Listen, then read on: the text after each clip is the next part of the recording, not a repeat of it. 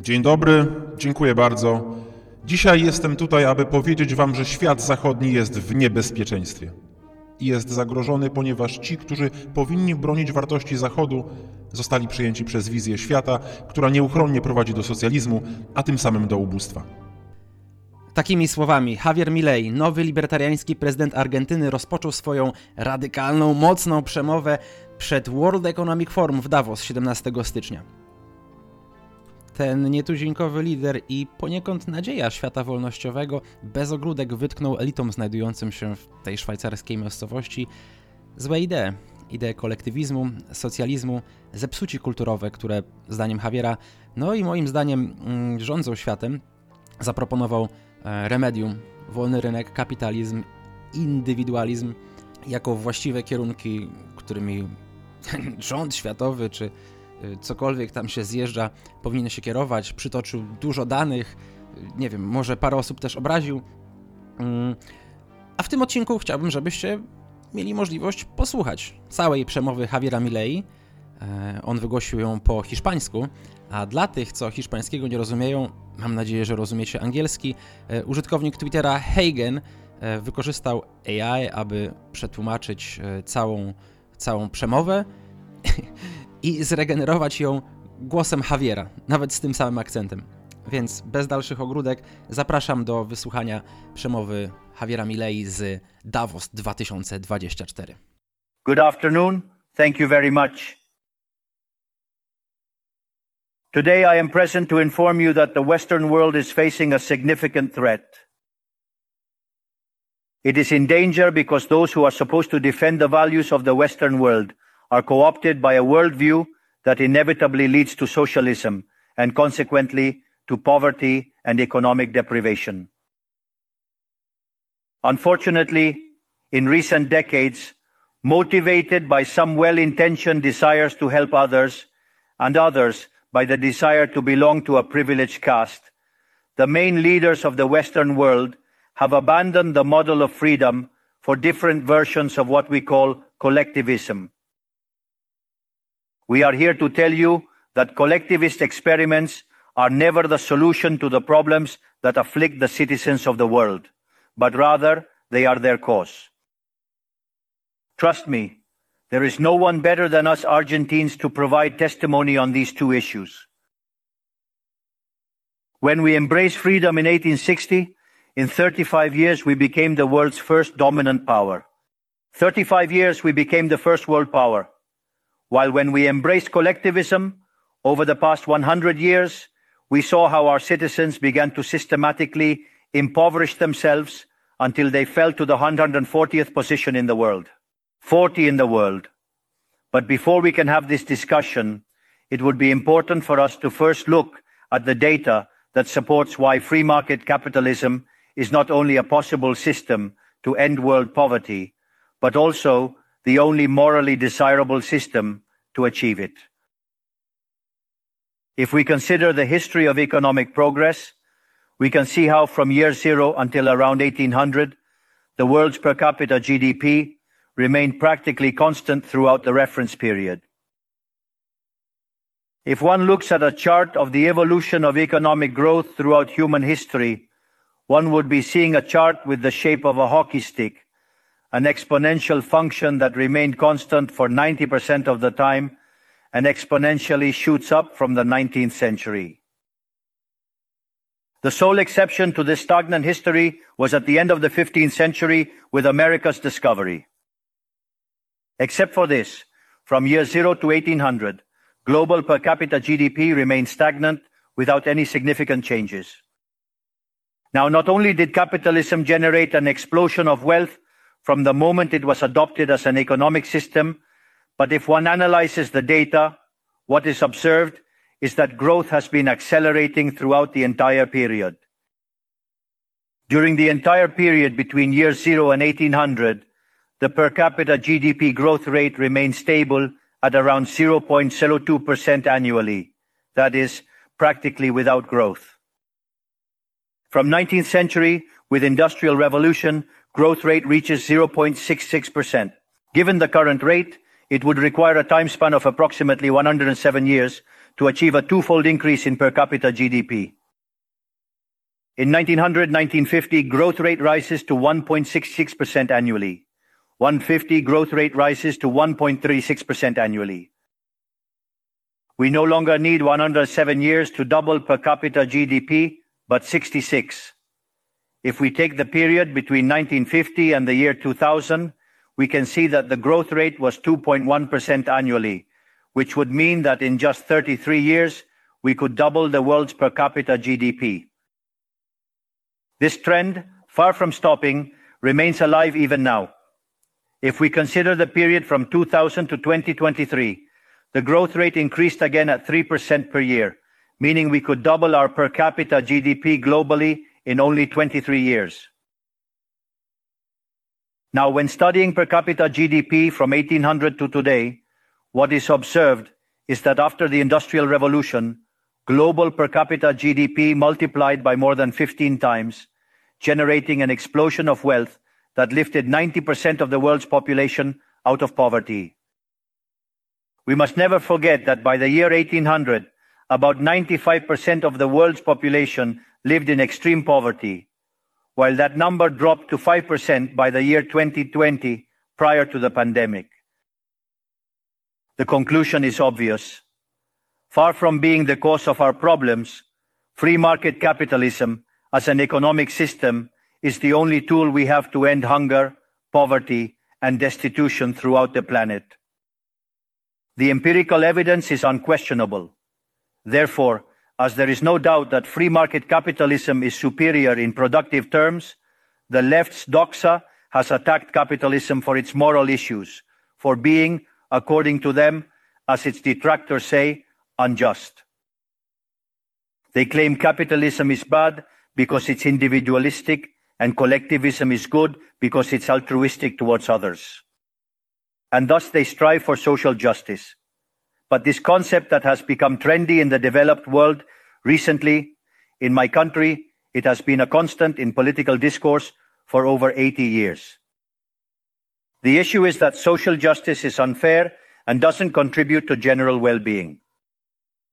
On the contrary, it's an inherently unfair idea because it's violent. It's unfair because the state is financed through taxes and taxes are collected coercively. Or can any of us confidently say that they pay taxes of their own free will. This implies that the state is funded through coercion and that the higher the tax burden, the greater the coercion, leading to a reduction in freedom. Those who promote social justice start from the idea that the economy as a whole is a cake that can be distributed in a different way. But that cake is not given. It is wealth that is generated in what, for example, Israel Kirzner calls a market discovery process. If the good or service that a company offers is not desired, that company goes bankrupt unless it adapts to what the market is demanding. Create a high quality product at a good price or attractive, succeed and produce more, so the market is a process of discovery where the capitalist finds the right direction on the go. But if the state punishes the capitalist for success and blocks him in this process, it destroys his incentives, and the consequences are that he will produce less and the cake will be smaller, generating harm to society. Collectivism, by inhibiting discovery and hindering appropriation, ties the entrepreneur's hands, preventing him from producing better goods and offering better services at a better price. How can it be then that from academia, international orgs, politics, and econ theory, an econ system is demonized that not only has lifted 90% of the world's pop out of extreme poverty and does so increasingly faster, but is also fair and morally superior? Thanks to capitalism, the world is currently in its best moment. There has never been a moment in history with greater prosperity than the one we live in today. Today's world is freer, richer, more peaceful, and more prosperous than ever before. This is true for everyone, but particularly for those countries that are free, where they respect economic freedom and individual property rights. Because free countries are 12 times richer than repressed ones. Saying goes that in countries with freedom, people live better than 90% of population in repressed countries. It has 25 times fewer poor people in the standard format and 50 times fewer in the extreme format. And if that weren't enough, citizens of free countries live 25% longer than citizens of repressed countries. Now, in order to understand what we come to defend, it is important to define what we mean when we talk about libertarianism. To define it, I take up the words of the greatest proponent of the ideas of freedom in Argentina, Professor Alberto Benegas Lynch, who says that libertarianism is the unrestricted respect for the life project of others, based on the principle of non-aggression, and in defense of the right to life, liberty, and property, whose fundamental institutions are private property, free markets without state intervention, free competition, division of labor, and social cooperation, where one can only be successful by serving others with goods of better quality at a better price. In other words, the capitalist, the successful entrepreneur, is a social benefactor who contributes to the well-being of society as a whole. In short, a successful entrepreneur is a hero. This is the model that we are proposing for the future of Argentina, a model based on the fundamental principles of libertarianism, the defense of life, freedom, and property. Now, if free market capitalism and economic freedom have been remarkable instruments to eradicate poverty globally, and we are presently experiencing the most favorable period in human history, it is worth inquiring why I assert that the West is in jeopardy. I argue that the West is endangered as in countries defending free market, private property, and other institutions of libertarianism, sectors of the political and economic establishment, due to errors in their theoretical framework and ambition for power, undermine libertarianism, opening doors to socialism and potentially condemning us to poverty, misery, and stagnation. Because it should never be observed that socialism is always and everywhere impoverishing, failed in all countries where attempted. It was a failure economically, it was a failure socially, it was a failure culturally, and it also killed more than a hundred million human beings. The main problem of the West today is that we not only have to confront those who, even after the fall of the wall and overwhelming evidence, continue to advocate for impoverishing socialism, but also our own leaders, thinkers, and academics who, sheltered in a misguided framework, undermine the foundations of the system that has given us the greatest wealth and prosperity in our history. The theoretical framework I am referring to is neoclassical economic theory, which designs an instrument unintentionally functional to the intrusion of the state, socialism, and the degradation of society. The issue with neoclassicals is that since the model they fell in love with doesn't match reality, they attribute the error to the supposed market failure instead of revising the premises of their model. On the text about a supposed market failure, regulations are introduced that only generate distortions in the price system that hinder economic calculation and consequently savings, investment, and growth. This problem essentially lies in the fact that not even supposedly libertarian economists understand what the market is, since if it were understood, it would quickly be seen that it is impossible for there to be such a thing as a market failure. The market is not just a graphical description of a supply curve and a demand curve on a graph. The market is a mechanism of social cooperation where property rights are voluntarily exchanged. Thus, considering this definition, discussing market failure is a contradiction in terms. There is no market failure. If transactions are voluntary, the only situation in which there can be a market failure is if there is coercion present. And the only one with the ability to coerce in a generalized manner is the state that possesses the monopoly of violence. Consequently, if someone considers that there is a market failure, I would recommend that they check if there is state intervention in the middle. If no state intervention found, suggest reanalyzing as it is definitely wrong. Market failures do not exist. An example of the alleged market failures described by neoclassicals are concentrated structures in the economy. However, without functions that demonstrate increasing returns to scale, whose counterpart are the concentrated structures of the economy, we would be unable to explain the phenomenon of economic growth from 1800 to the present day. Look how interesting. Commencing from the year 1800 and extending onwards, with the population experiencing a multiplication of more than eight or nine times, the per capita income underwent a growth of more than 15 times in magnitude. To clarify, there are more returns. This caused poverty to drop from 95% to 5%. However, the presence of increasing yields implies the existence of concentrated structures, which would be referred to as, for example, a monopoly in the market economy. How can it be that something that has generated so much well-being, according to neoclassical theory, that is considered a market failure? Neoclassical economists think outside the box. When the model fails, don't get angry with reality. Get angry with the model and change it. The dilemma for the neoclassical model is that they aim to enhance market functioning by targeting perceived failures. By doing so, they not only open doors to socialism, but also undermine economic growth. For instance, implementing regulations on monopolies dismantling their profits and obliterating increasing returns would inevitably annihilate economic growth.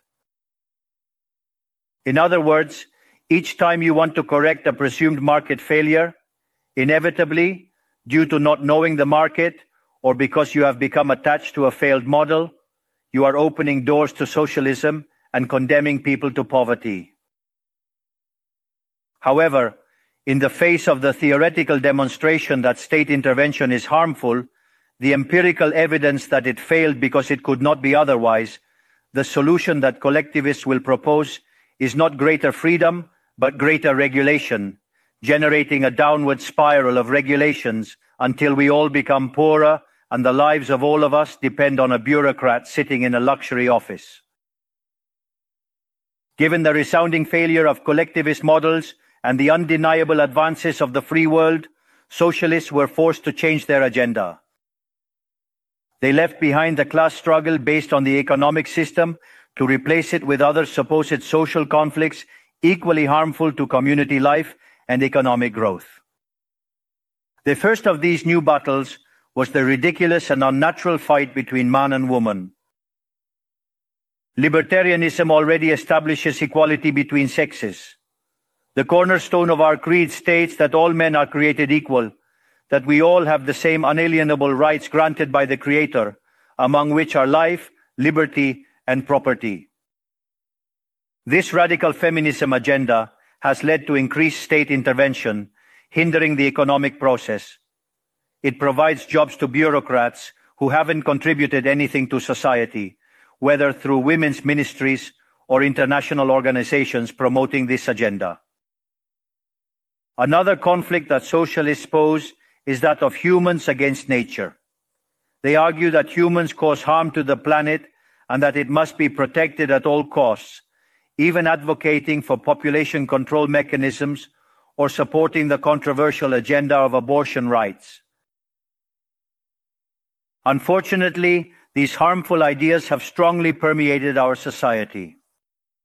Neo-Marxists have managed to co-opt the common sense of the Western world. They achieved this through the appropriation of the media, culture, universities, and yes, even international organizations. The final case is very serious, as it involves institutions with huge influence on the political and economic decisions of the countries in these multilateral organizations. Fortunately, more of us dare to raise our voices as we see that if we don't confront these ideas head on, the only possible destiny is more state, more regulation, more socialism, more poverty, less freedom, and consequently, a worse quality of life. Unfortunately, the West has already started down this path. To many, it may sound ridiculous to suggest that the West has embraced socialism, but this view is only ridiculous if one limits themselves to the traditional economic definition of socialism, which states that it is an economic system where the state owns the means of production. In my opinion, this definition needs to be updated to reflect the current circumstances from my perspective. Today, states don't need to control means of production to control every aspect of individuals' lives. With tools such as monetary issuance, debt, subsidies, interest rate control, price controls, and regulations to correct alleged market failures, they can control the destinies of millions of human beings. This is how we have reached the point where, with different names or forms, good parts of the politically accepted offers in most Western countries are generally collectivist variants. Whether they openly declare themselves as communists, fascists, Nazis, socialists, social democrats, national socialists, Christian democrats, Keynesians, neo-Keynesians, progressives, populists, nationalists, or globalists. In the end, there are no substantive differences. Everyone argues that the state should control all aspects of individuals' lives. All define a model contrary to the one that led humanity to the most spectacular progress in its history. We are here today to extend an invitation to the other Western countries to resume the path towards prosperity. Economic freedom, limited government, and unrestricted respect for private property are vital for economic growth. The impoverishment that collectivism produces is not a fantasy, nor is it fatalism. It is a reality that Argentinians have known very well for at least 100 years. Because we have already experienced it, we have already gone through this. Because as I said before, since we decided to abandon the model of freedom that had made us rich, we are trapped in a downward spiral where we are getting poorer every day. This is, we have already experienced it ourselves, and we are here to warn you about what can happen if Western countries who became rich with the model of freedom continue on this path of servitude. The Argentine case is the empirical proof that regardless of wealth, natural resources, population capability, education level, or the amount of gold bars in the central bank's coffers, these factors do not guarantee success. If measures are adopted that hinder the free functioning of markets, free competition, free price systems, if trade is hindered, if private property is attacked, the only possible destination is poverty. To summarize, I want to convey a message to all entrepreneurs present and those who are not, but are following us from around the globe, whether they're here or not physically. Don't be intimidated by the political caste or the parasites who live off the state. Don't yield to a political class that only wants to prolong its power and preserve its privileges. You are social benefactors. You are heroes. You are the creators of the most extraordinary era of prosperity we have ever experienced. Don't let anyone say ambition is immoral. If you earn money, it's because you provide a superior product, better price, contributing to well-being. Do not yield to the advance of the state. The state is not the solution. The state is the problem itself. You are the true protagonists of this story, and know that from today you have Argentina as an unconditional ally. Thank you very much and long life freedom, damn it.